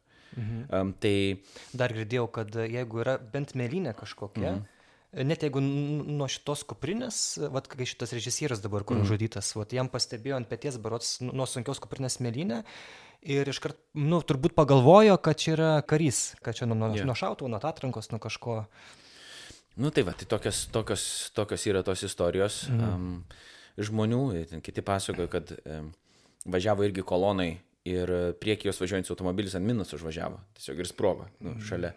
Būnant, tai va, jie nukeliauja tikrai žiauriai pavojingai, uh, išvažiuoja, nežino tiksliai išvažiuos, kaip nei, nu, neišvažiuos, kokios yra tos e, situacijos, bet um, tikrai be galo sunku ir be galo yra, be galo yra žiauru, žiauru bet, um, bet kaip jie kažkaip bando su tuo tvarkytis, uh, kovoja, laikosi, vieni kitiem bando padėti ir ir, ir ačiū Dievui, bent jau kažkam pavyksta, pavyksta išsigelbėti, ir, o kiti yra pasako dar taip, kad kiti nu, tiesiog griežtai yra apsisprendę, kad nesvarbu, kas bus, bet nevažiuos, nevažiuos tiesiog niekur. Tai tiesiog žmonių, kad vat, gali juos tas bombos pilti, jie tiesiog vat, apsisprendė mhm. kategoriškai, kad jokių būdų neišvažiuos. Ir va, tai yra buvo viena šeima, kuri jam pavyko išvažiuoti. Ir ten reikia daug tų blokpostų, skirtingų dalykų reikėjo daryti ir ten paprašė pinigų iš jų, ten, mm. prasme, nu, visko ten būna. Ir, ir, nu, ko nori ten prašo, žinai, nu, tiesiog nežinai, ko ten norės, kas iš tavęs, kad tu galėtum pravažiuoti ir kas ką sugalvos. Tai tėvas neišvažiavo ten iš tos šeimos, nežinau, ar ten vyro ar moters, tas tėvas tiesiog nusprendė, sakė, ne, jis turėjo progą važiuoti kartu su jais, bet sakė, nevažiuosiu. Tai va, tai, tai, tai ir taip buvo ir tokių, kur atvažiavo į Lietuvą ir sakė, kad mama ir tėtis prisijungs prie jų greitai ir paaiškėjo dabar, kad, kad tikėtina yra, kad net neprisijungs dabar. Tai dėl ko? Nes... Ne, nesakė tiksliai dėl ko, okay. tiesiog tokia tokia informacija, kad, kad neprisijungs. O, Vat. Aš tai palaikysiu, viskas gerai. Tu kažką gražaus pakalbėsi? Ne, nu ką aš čia pakalbėsiu, žinai. Čia buvo, čia buvo numanoma, kad taip gali įvykti. Aš matai, per sapnai pasakau tas podcast'o klausytojai nežino, kas čia dabar vyksta, bet e, trumpai pasakysiu, kad e, Simonas sugadina mikrofoną. Na gerai, nesugadino, kad jisai. O, įstatė, čia toks garsas. Pavyko. Kaip įdomu, ar ne? Bet turėtų turtai laikytis. Suskaičiavę esat, kiek, kiek žmonių pavyko karo pabėgėlių parvežti nu, į Lietuvą arba tiesiog pats su jūsų tais autobusiukais? Aš galiu tik daugiau mažiau pasakyti, mm. ne? Pirmą kartą Kokie, oi, kaip sunku dabar man yra skaičiuoti. Dabar, kiek girdėjau, ateinančią kelionę sakė, kad jau 16 yra, kurie, kurie laukia. Mhm. Um, bet tai vien moteris ir vaikai, ne? Nu, didžiaja dalimi praėjusią kelionę buvo, kad prie mūsų prisijungė uh, prie kolonos prisijungė su savo automobiliu žmonės, mhm. tai ten buvo ir vyras, bet jis galėjo išvažiuoti dėl to, kad turi tris vaikus, nes kitu atveju jis negalėtų išvažiuoti. A, čia tokia sąlyga. Jo, yra ne? tokia sąlyga, kad jeigu tau mažiau negu 60 metų, tai tada gali tik tais, jeigu tris vaikus turi ir lyg ir jeigu girdėjau, tai tie vaikai dar ir jaunesni negu 18 turi mhm. būti, nu, ne, ne šiaip. Tai kadangi jis turėjo tris vaikus, tai buvo leisti jam, leisti jam išvažiuoti, tai pas mumis tada buvo gal trys autobusiuke viena, viena šeima, tada ten penki kitam, po to buvo kiti, kas, kas kurie Ukrainai ne, buvo, kas nenorėjo tada važiuoti į Lietuvą, pas mus neprisipildė pilnas, tai tada vienas autobusiukas nuvažiavo į Varšuvą ir ten per stiprus kartus susiorganizavo vėl ten mm. pilną autobusiuką, nežinau, kiek ten buvo penki žmonės, nes ten, nu, nors autobusiukai yra didesni, bet ten tokius kilometrus važiuoti, vat, nu, lygiai taip susispaudus, jeigu nėra visiškai uh, pavojaus gyvybei, ne, tai tada nebūtina, ten iš Varšuvos niekas ne, ne, ne, nebandė susiorganizuoti mm. ten, kad visi kaip silkės važiuotų. Ir tuo labiau, kad ten keičiasi. Vis ten žmonės gali tau paskambinti, pasakyti, kad nori, po 30 minučių nebenori. Mm. Ir ten nu, visokie ten tokie įdomus. Bet turbūt situacija. policija nežiūri, ar, ten, kad, ar, ar per daug čia, žinai, čia susispaudė žmonių. Ne, tai iš vis niekas niekad nestabdė niekur. Aišku, tik prie sienos tokių įdomių nuotikių buvo, bet, bet šiaip visada yra punkt, patikrinimo vieta Lenkijai važiuojant. Ten mhm. tiesiog stovi muitinė ir pažiūri žiūri, pa, sako, humanitarinė, taip, sako, gerai, važiuokit. Tai, tai tik tiek, o ten su žmonėmis niekas net niekada net nestabdė. Ukrainiečiam, kurie didžioji dauguma pirmą kartą iš visos šalies išvyksta. Jie, tarsi, mhm. jiem yra kosmosas, jie nėra buvę e, už, užsienį kažkur. Kiek aš kalbėjau, bent jau didžioji dauguma mhm. su mumis keliavusių, tai jie net nepastebi, kai sienas kerti jiems, nu, taip, nes čia Lenkija, Slovakija, dar kažkas, nu, ta prasme, nėra, tiesiog važiuoja ir pravažiuoja, niekas niekada, ne, nieks niekada nestabdo. Tai jeigu mes žiūrėtumėm taip, ne, kad paskutinė kelionė buvo keturi autobusiukai, e, antrą ir pirmą buvo, e, buvo po, po tris, tai ką žinau, ten išeina gal per vieną tą kelionę, gal koks ir išeina 15 žmonių vidurkis, vadinkim taip, tai susivežti. Bet aš čia greitai dabar tik primetu, nes mm. kol aš bandysiu skaičiuoti, tai čia podcastas į dvi valandas. Ne, bet kiekvienas žmogus jau yra svarbu, nu, vat, vis tiek, jeigu išgelbėtas ir, ir, ir, ir, ir gali mat, saugiai ar ne. Tai galėtų būti, sakau, ir daugiau, nes Ukrainai tų mm. atvažiuojančių būna daugiau, būtų galima į daugiau parsivežti, bet sakau, ne visi nori į Lietuvą važiuoti. Mm. Nu, čia dabar kitas dalykas yra praktinis dalykas, ne? Kai kuriems žmonėms Nors karas yra baisus dalykas, bet kai kuriems žmonėms čia yra didžioji gyvenimo galimybė, kurie norėtų išvykti į ES ir jiems tiesiog dabar yra variantas.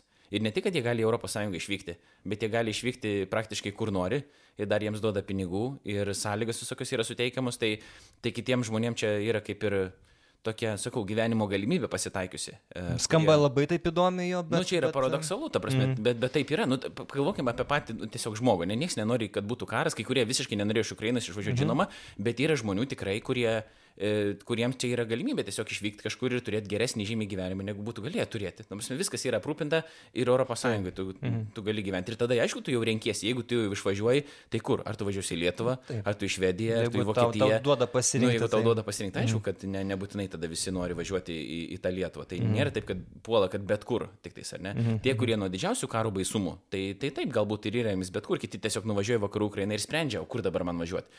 Bet yra kiti, kurie turi galimybę ne, išvykti kažkur, tada jie pasižiūri jau, kur, kur, būtų, kur jie mm. norėtų labiau išvykti. Čia yra visiškai normalu. Prasme, jeigu tu gali pasirinkti, tai tu ir renkiesi. Tai Lietuvoje šiaip dažniausiai žmonės atsiduria, bent jau mūsų tame kontekste, per kažkokius turi santykius su kažkuo, galbūt. Mhm. Nu, kažką va turi ir tada va tai bandoma yra to žmonės atvežti ir, ir kiek yra įmanoma atrasti vietų, bet kadangi bažnyčia irgi yra nu, ribotas yra ir žmonių kiekis ir, ir jau nebūtinai gali visus apgyventi ir patalpinti, tai po to jau ieško ir kažkur kitur, nes, nes kol kas tai bando kiek yra įmanoma bažnyčios mm, ratuose atrasti tų kontaktų, jo. kur žmonės galėtų kažką apgyvendinti.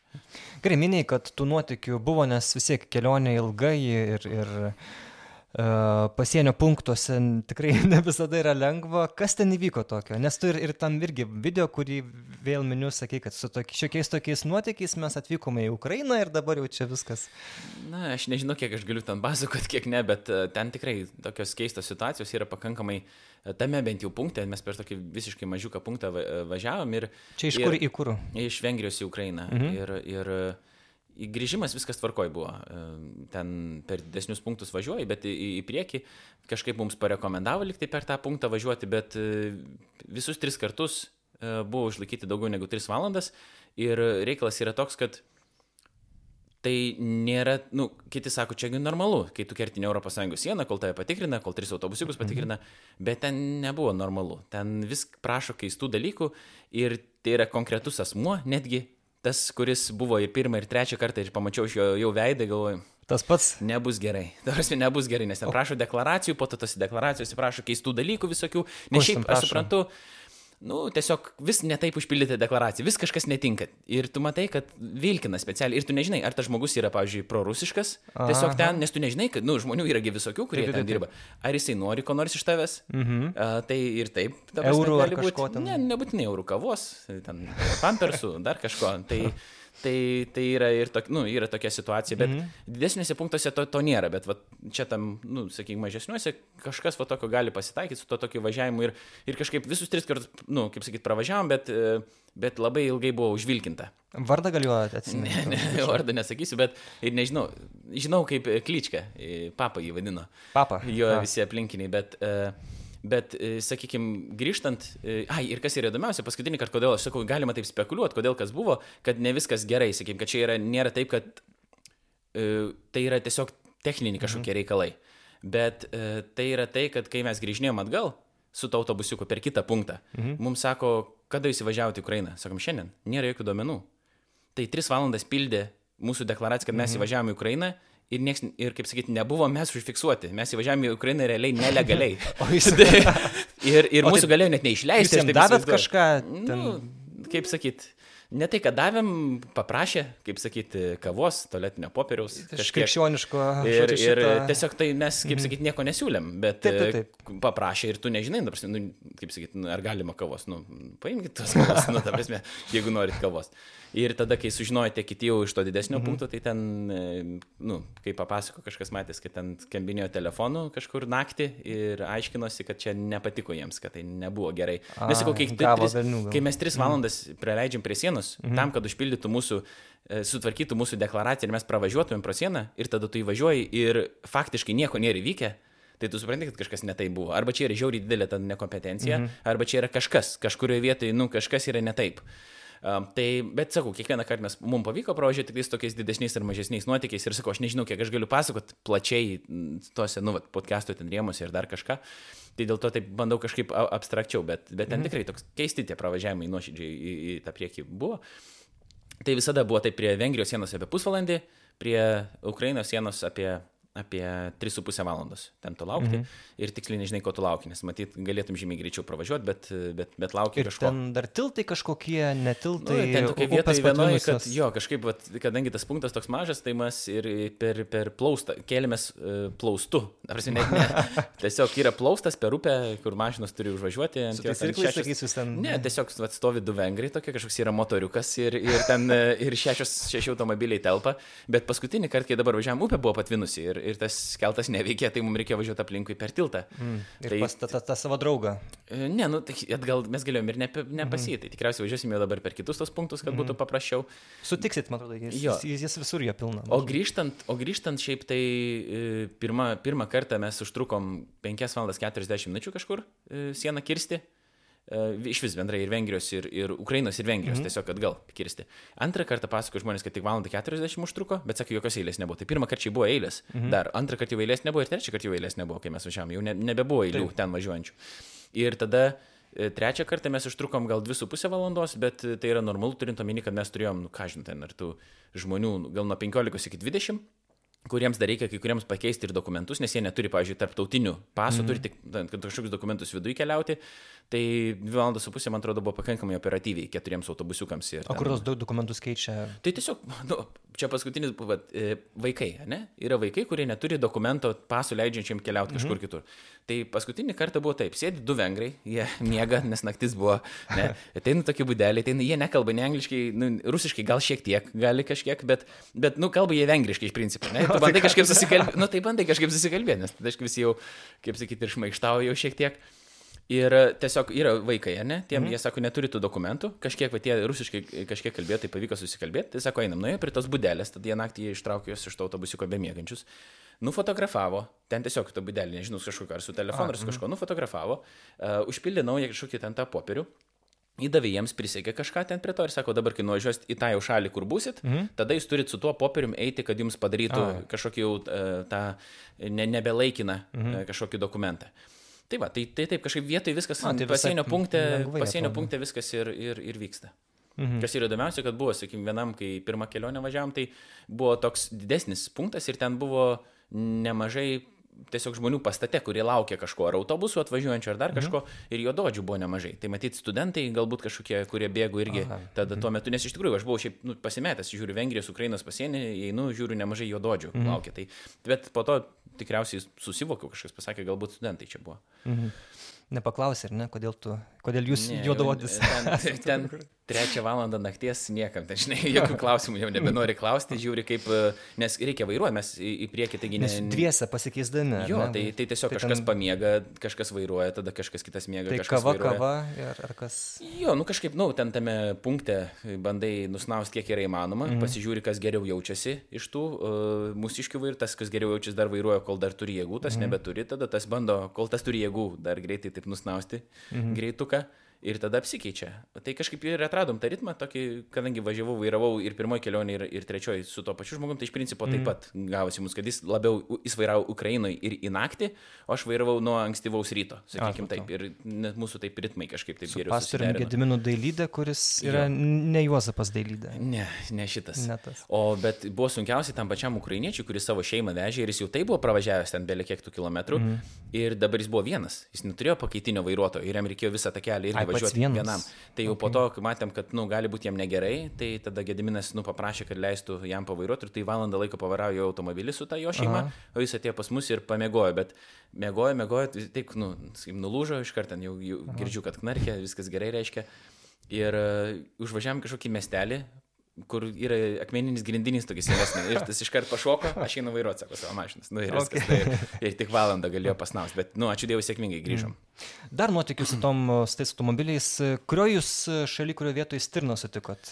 Taip labai Stirna, gan, tai, ar, artimai pažinote. Stirna Slovakijoje buvo, nes e, važiavom mes e, jo, tais keturiais e, mikroautobusais. Aišku, kai keliauju tokią koloną, yra pakankamai sunku ten išlaikyti ir atstumus, visą kitą greičiai yra šiek tiek skirtingi ir, ir ten gali ir pasimešti šviesoforai, visą kitą, mm. bet jau ten mes Slovakijai nakvojam pirmą tą naktį, važiuojam iki Slovakijos. Ir, ir žiūrim kažkur, nu, atsiliko visi automobiliai, mes pirmi važiavom, mhm. skambina, Geda sako, kur jūs esat? Sako, stirna, atsidaužymomis. Kas, kaip, prasme, nu, mes jau nebetoli kitos mėgojimo vietos.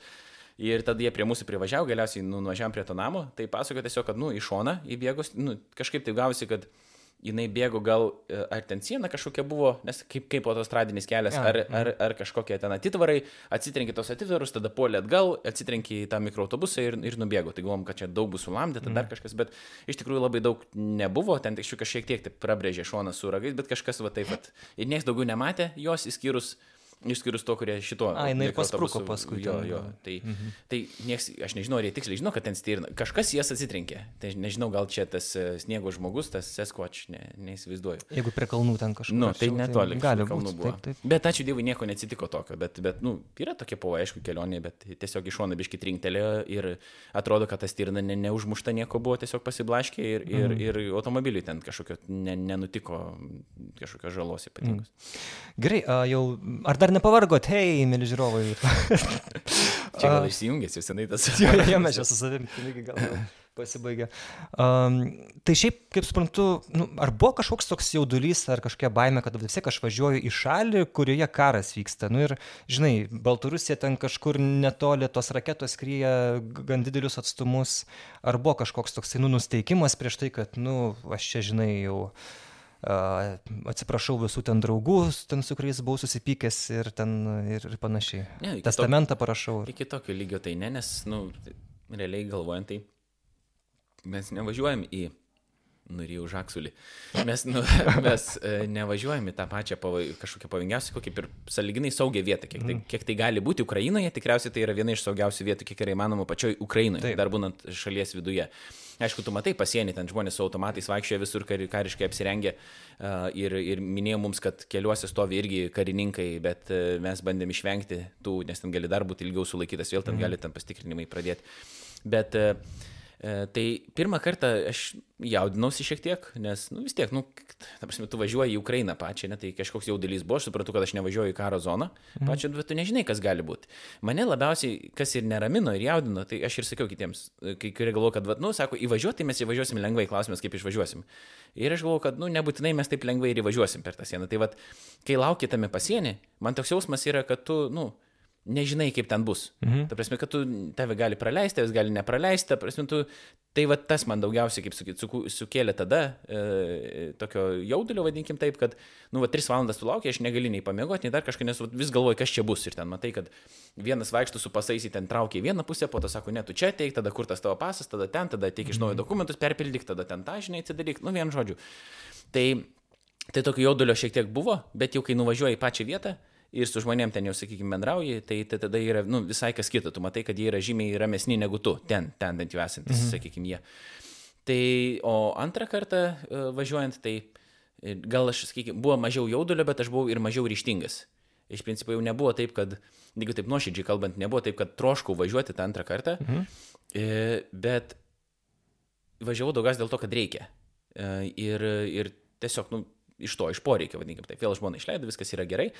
Bet kas buvo tą antrą kartą, kad e, kai jau nuvažiavau šitą vietą, tai tada, nu, pajaučiau ypatingą tą poreikį būti ten. Ir iš tikrųjų tas, kaip sakyti, ir noras, ir tas entuzijazmas, jis buvo, nu, atgimdytas. Nes ta mhm. pati kelionė, jinai, nu, nėra taip kažkokio ten trokštum ten daryti. Bet, bet kai tu jau susitinki su žmonėm akis į akį ir tu pamatai jos veidas į veidą ir jie to pasako, kad, nu gerai, yra tie pinigai ir ta humanitarinė parama, bet tai, kad jūs atvažiuojat, jūs su mumis susitinkat ir atvažiuoja dar kažkoks vyrukas ten buvo atvažiavęs iš kito Ukrainos krašto, kuris mm. irgi ten pasitarnavo, sako, tai mus labai, sako, morališkai palaiko ir pakelia dvasę. Ir tada tada tas noras, kaip sakyti, atgimsta, nes vien teoriniai dalykai yra viena, bet kai tu sakau pamatai, patiri, tada ir, ir tas toks, nu, vėl pasiryžimas e, širdie užsidega ir toliau yra tų pasiryžusių žmonių ir jau ketvirta kelionė yra planuojama po Velykų. Mm, ir tu tai dalyvausi. Ne, ten, jau po Velykų nevažiuosiu šitą kelionę, Aha. E, šitą aš praleisiu, nežinau kaip toliau ten bus ir okay. mes, mes nežinom. Uh, nu, tą savaitgalį tiesiog aš ir negaliu važiuoti, bet ir tie, kas važiavo iškirti dvi iš eilės, nu, matai, kad jiems po to būna sunku, nes ten atsigauti reikia tam poros dienų po, po tų kelionių ir kai kurios buvo netgi labai greitai viena po kitos. Mhm. Tiesiog, atsigauti nuo to važiavimo, nuo nu, to. Tiesiog viso... fiziškai, tiesiog, nu, mhm. ne, ten nėra ne, ne emociškai, ne dar kažkaip, tiesiog fiziškai, mhm. kad tu šiek tiek atsigautum.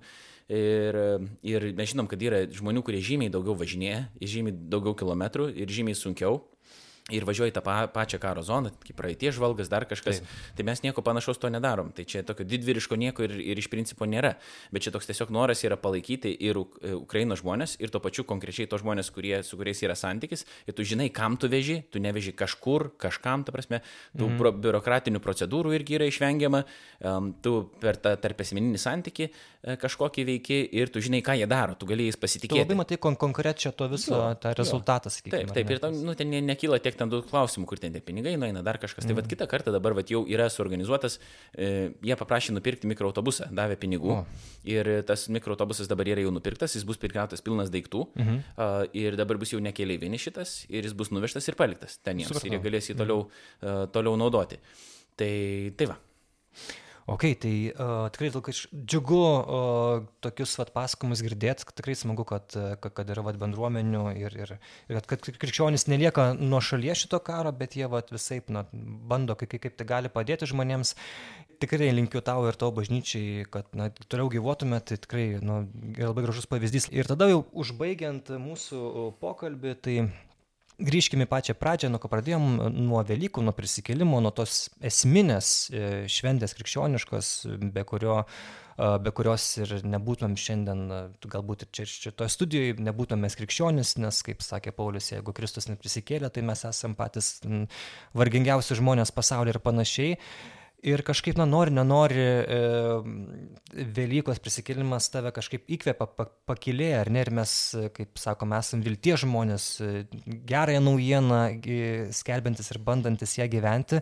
Ir kaip tau pačiam, e, kai vat, vyksta daug tokių žiaurumų ir turbūt jų bus ir toliau Ukrainoje, kai, kai matom tą, tą žmonių kančią, kaip e, kartu kažkaip vis tiek turėti tą tokį džiugėsi viduje ir bandyti nešti kitiems, ar ne? Ar čia netokia vat, situacija, kad e, kaip ir na, va, su ta Kalifornija, ne, kaip ir norisi išvesti, norisi kažkaip, na, džiaugtis ir sakyti, kad štai Dievas yra, jisai myli, bet uh, kartu kažkaip ir, na, galbūt nejauku, nes, na, nebūsi suprasta, žinai, nes čia dabar mes visi tikrai pagristai turim būti, na, palaikyti Ukrainą ir, ir ta tokia rimtis, jinai, nu, jinai turbūt irgi reikalinga. Jinai reikalinga, bet sakau, kai ten nuvažiuoji tą vakarų Ukrainą, tu matai, kad žmonėms yra sunku, bet jie sugeba juokauti ir džiaugtis ir mm -hmm. kartu mhm. pavalgyti ir apsikabinti. Ir ta prasme, nu, tai nėra viens kitam prieštaraujantis dalykai. Tu tame skausme, tu vis tiek gali išgyventi ir tam tikrą džiaugsmą, nes jeigu tu vien tik tais pasiduosi tai um, nusivylimui, tai blogai emocijai ir galvosi, kad tu čia esi dabar pasaulio gelbėtas vien dėl to, kad visą laiką surūgęs vaikštai, mm. tai niekas nuo to nepasikeis. Tai taip, reikia susirūpinimą rodyti, geriausiai ne vien emocijomis, bet ir kažkokiais veiksmais. Um, taip pat, aišku, melstis, kas irgi yra veiksmas ir, ir, ir jisai veikia, dėl to, kad Dievas atsako į maldas. E, tai nelaikyti visko lengva būdiškai, kad čia viskas, nu, sakykime, yra ne, nesvarbu ar ne, bet džiaugsmas yra ne šiaip, kad kaip faina viskas gerai. Tai krikščioniškas džiaugsmas yra ne apie tai. Kam yra įdomu, Bible Project yra filmukas lietuviškai padarytas apie džiaugsmą, žodžius nagrinėjimo serijos, Hara džiaugsmas. Ir ten yra rašoma, apie, nu, pasakojama apie tai, kaip Paulius sugebėjo džiaugtis būdamas kalėjime, kankinimuose ir panašiai. Tai, ne tiesiog, Hana, bet Hara. Hara, tai, okay, gerai. tai tas, tas pats džiaugsmas, jis yra e, iš to supratimo, kad viešpats visa, viską valdo ir kad galiausiai viskas bus atitaisyta ir tu turi vilti viešpatyje. Mhm. Nes jeigu mes imtumėm taip ir e, bandytumėm paglobalizuoti tą klausimą, tai tada tu gali būti liūdnas absoliučiai kiekvieną dieną, nes neteisybė, skausmas, žudimai, karai vyksta Kiekvieną dieną. Mm. Į visą pasaulio istoriją tai vyko. Bet kai Sirijoje vyko karas, mes nevaikščiam visą laiką, sakykime, taip, nu, nuliūdę dar kažkaip klausimas, kiek padėjom, neprisidėjom. Tai čia, kadangi yra tai susijęs su mumis, tai yra nu, natūrali žmogiška reakcija. Mm. Kuo arčiau, tada tuo mums taip, yra liūdniau arba sunkiau, bet tada mes galim savęs paklausti, tai mums kiti žmonės nerūpi, mums tik rūpi ukrainiečiai, žinoma, kad ne. Tai mes turim ir parodyti, kaip sakyti, yra normalu, kai skauda ir tada paverki, tada kaip išgirsti apie tai, kad prievartaujamos moteris, ta prasme, ir žiauriai užmušami kūdikiai. Ir tai yra normalu liūdėti tada ir, ir, ir išgyventi tą skausmą, kaip tai versti su kartu su verki, besi, beverkiančiais. Ne? Ja. Ir taip pat yra normalu džiaugtis su besidžiaugiančiais. Ne? Tai ką dabar buvo vienas mūsų draugės gimtadienis. Jis galvoja, daryta gimtadienį ar nedaryta dabar. Ta prasme, mhm. ir 50 gimtadienis. Tai, nu, kaip, kaip ir jubiliejus, bet, ta prasme, karas dabar čia, tai ką galima čia švęsti, negalima. Nu, buvo nuspręsta, kad, nu, švęsta gimtadienį ne dėl to, kad čia dabar nerūpėtų Ukraina, bet dėl to, kad gali su draugais pasidžiaugti, kad Dievas davė gyvybę ir davė tiek laiko, mhm. sakykime, nugyventi. Ir tie patys žmonės visi surinkė ir melčiasi už Ukrainą tą pačią ir daro kažkokius dalykus. Tai džiaugsmas yra toks gilesnis dalykas, kuris atsispiria į uh, viltį, kurią mes turime Jėzuje, kurią mes matome jo mirtyje ir prisikėlime kad mūsų nuodėmės yra nuplautos dėl jo kančios ir to, ką jis padarė, ir tą šlovingą kūną, kuris jis turi, ir tą kad ir mes būsim vieną dieną prikelti. Ne? O dabar gyvenam tokiam pasauliu, kuriam gyvenam, nuodėmės labai stipriai paveiktam, bet galim džiaugtis toje viltyje. Ir tada adekvačiais tais momentais, aišku, tada, kad, kada reikia ir, ir paliudėti ir būti toje, toje rimtyje, bet jeigu vaikščiais visą laiką, kaip sakyti, susirūpinęs ir nekesi tų, kurie E, sugeba dėl ko nors pasidžiaugti dar šitam mhm. gyvenime, tai tada, nu, nemanau, kad čia yra labai tokia teisinga nuostata arba krikščioniška dvasia. Tai turbūt neturiu ką ir pridurti, žinai. Tai... Aš turiu ką vieną dalyką pridurti. Okay, gerai. Jeigu norėsit, e, mėlyjei žmonės, tai galima prisidėti dar ir prie šitų kelionių tolimesnių, e, kurios bus į Ukrainą. Jeigu norit e, paremti būtent tai, ką, nu, ką dabar šiek tiek išgirdot, tokią būtent e, veiklą, tai Laisvųjų krikščionių bažnyčios Facebook profilį galite sekti informaciją. Ir ten tiesiog atrasit, kada yra renkama parama. Da, finansinė parama yra nuolat renkama, tai yra ten sąskaitų, nuolat visą kitą. Įdėsim irgi. O tada, šitą, kur yra grinai praktiniai dalykai, tokie, nu, daiktai mhm. renkami, tai yra tiesiog paskelbima, kad dabar bus renkama šitai ir šitai kelioniai ir tada galima galima tą padaryti. Taip pat, jeigu norit, ypatingas yra didelis poreikis, atsiliepkite e, tie, kurie turite vietų, kur priimti žmonės. Bet labai gerai pagalvokite, ar tikrai galite priimti žmonės. Nes jau girdim tokių, kad yra konfliktai kažkur įvyksta, nes žmonės su žmonėm gyvena mhm. ir ne visai galbūt to tikėjosi kartais ir, vis, ir pamatė, kad galbūt negali. Nu, nes įsivaizduojame gal, kad pasakoja, tiesiog gyvens atvažiuos, at, priims ukrainiečių šeimą ir tiesiog visi šoks už rankučių susikibė mhm. ir viskas bus nuostabu. Ir uh, ne visada tai būna. Tai turi pagalvoti iš tikrųjų, tas, ta, ta pagalba kainuoja tau ir, ir ar tu gali. Ir jeigu gali, tai tada valio. Uh, Ir tikrai reikia labai vietų, kur, žmonės, e, kur žmonės priimti. Kol kas atrodo pavyksta dar atrasti didžiąją dalį, bet, sakau, čia yra žmonės, kurie koordinuoja ten bažnyčių ir tos dalykus daro. Tai galite irgi e, pranešti, jeigu turit kažkokių vietų, kad būtų juos galima apgyvendinti, o tie, kurie melžiatės, melskitės, nes, e, kaip sakė vienas iš mūsų irgi bažnyčios, nu, kai buvo klausimas, kiek, kiek, kiek ir ko dar reiks. Sako, ten yra juodoji skylė, kiek veši tiek jums. Nu, okay. nu, kiek, kiek, kiek mhm. veši tiek reikės. Tai vad klausimas, kiek tų kelionių dar bus nu, ačiū Dievui buvo trys, planuojama yra ketvirta, kiek dar bus, dar viena, dar penkios, dar dvidešimt, dar trisdešimt mes nežinom. Mhm. Dėl to, kad viskas priklauso nuo to, kiek bus pajėgumų, kiek bus paramos tos pačios surinkama, kiek bus galima važiuoti, nes poreikis kol kas yra ir jisai greitų metų nedings.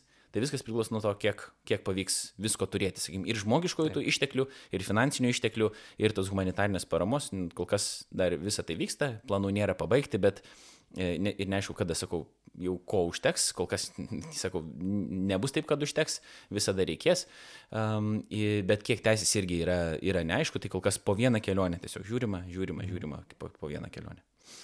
Kągi, ačiū tau, tai Laurinas Jacevičius, Laisvųjų krikščionių bažnyčios e, narys geras žmogus, apologetika LT iniciatyvos įkūrėjas ir, autorius, sekite apologetika LT Facebook'e, YouTube'e ir interneto portale tokiu pačiu pavadinimu, rasite daug tikrai gerų dalykų ir naudingų ir įdomių.